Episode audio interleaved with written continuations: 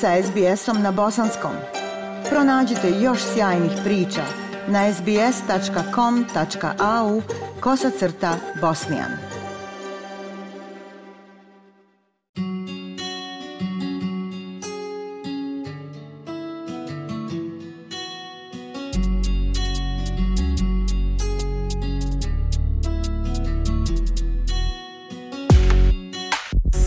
Slušate SBS program na bosanskom. Prošle sedmice vlada Australije objavila je međugeneracijski izvještaj koji je istraživao kako demografski trend može uticati na privredu u narednih 40 godina. U narednim godinama veliki broj Australaca otići će u penziju, pa ekonomisti i poslovne grupe pozivaju vladu da prilivom migranata popune upražnjena radna mjesta. Prilog Ruth McHugh Dillon.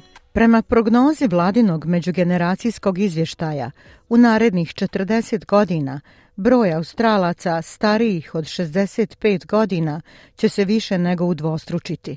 Ekonomisti i udruženja poput Poslovnog vijeća Australije su među onima koji pozivaju vladu da migracionom politikom riješe problem upražnjenih radnih mjesta koje će stvoriti odlasci u penzije. Vanredni profesor Univerziteta Novog Južnog Velsa Mark Henry Jenner kaže da bi smanjenje radno sposobnog stanovništva bez priliva migracije stavilo značajan teret na mlađe ljude. So in essence we're looking at a confluence of declining revenue U suštini dolazi do pada prihoda, barem od tog udjela stanovništva i povećanja izdataka, što dovodi do povećanja poreza na dohodak mlađe generacije i što je ogroman problem koji vidimo u međugeneracijskom izvještaju. A migracija je jedan od načina da se to ublaži, posebno ako bi mogla pomoći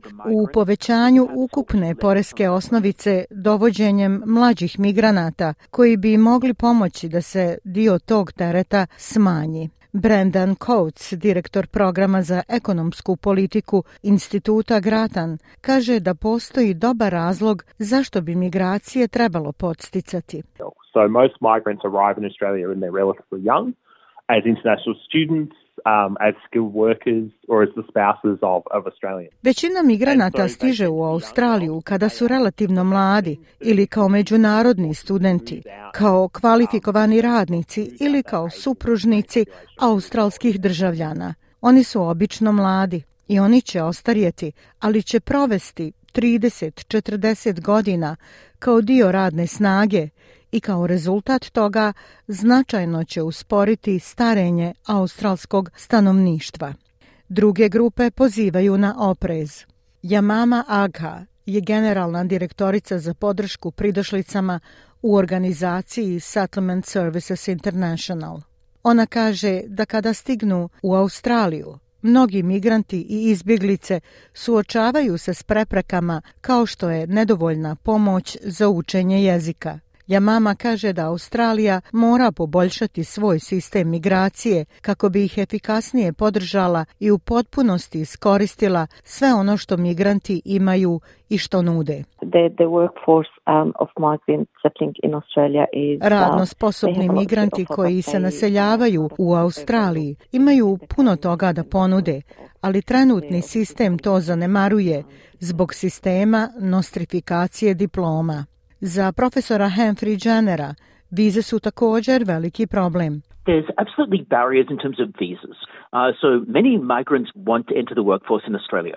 Uh, Postoje apsolutno prepreke i u pogledu viza. Mnogi migranti žele da se zaposle u Australiji. Imamo puno studenta koji prolaze kroz univerzitete i koji kada diplomiraju zaista žele ostati u Australiji. Stekli su kvalifikacije na australskim univerzitetima, stekli stručno obrazovanje ovdje, a često su ovdje ostvarili prijateljske ili porodične veze.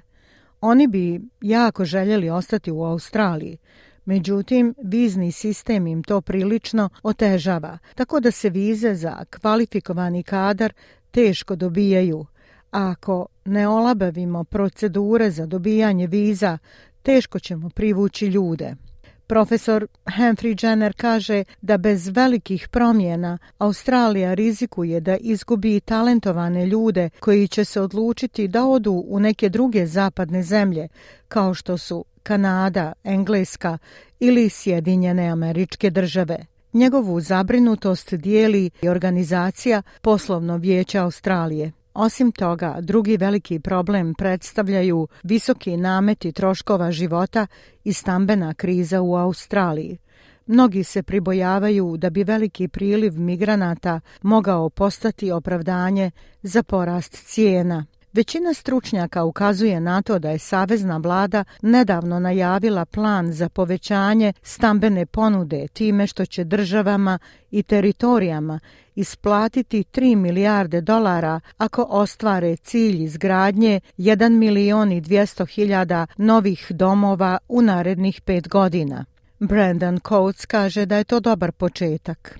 So that's the kind example of the kinds of things that we need to do to make sure that the states in particular are able to deliver To je primjer onoga što bi trebalo učiniti, a to je da se posebno državama omogući da obezbijede stambeni prostor koji je potreban za smještaj rastuće populacije. Također bismo trebali pažljivo razmotriti infrastrukturu kako bismo bili sigurni da gradimo prave vrste infrastrukture na pravim mjestima koja bi pratila rast stanovništva. U konačnici radi se o planiranju porasta stanovništva što je moguće bolje kako bismo osigurali da zadržimo podršku migraciji, posebno kvalifikovanoj migraciji, jer ona pruža velike koristi australskoj zajednici. Profesor Humphrey Jenner kaže da će prenošenje te poruke javnosti o prednosti migracije također biti ključno. It's challenging it appears for politicians to encourage more migration. Čini se da je političarima jako teško podsticati više migracija bez straha da će ih to koštati na sljedećim izborima.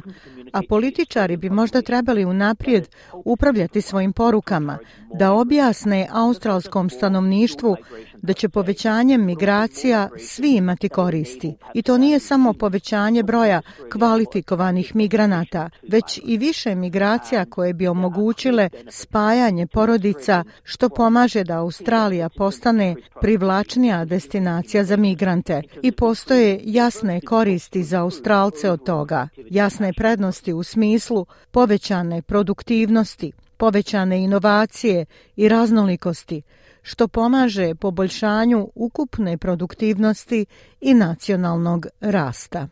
Ja sam Aisha Hadži Ahmetović. Ostanite uz SBS program na bosanskom jeziku.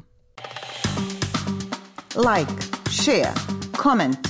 Pratite SBS Bosnian na Facebooku.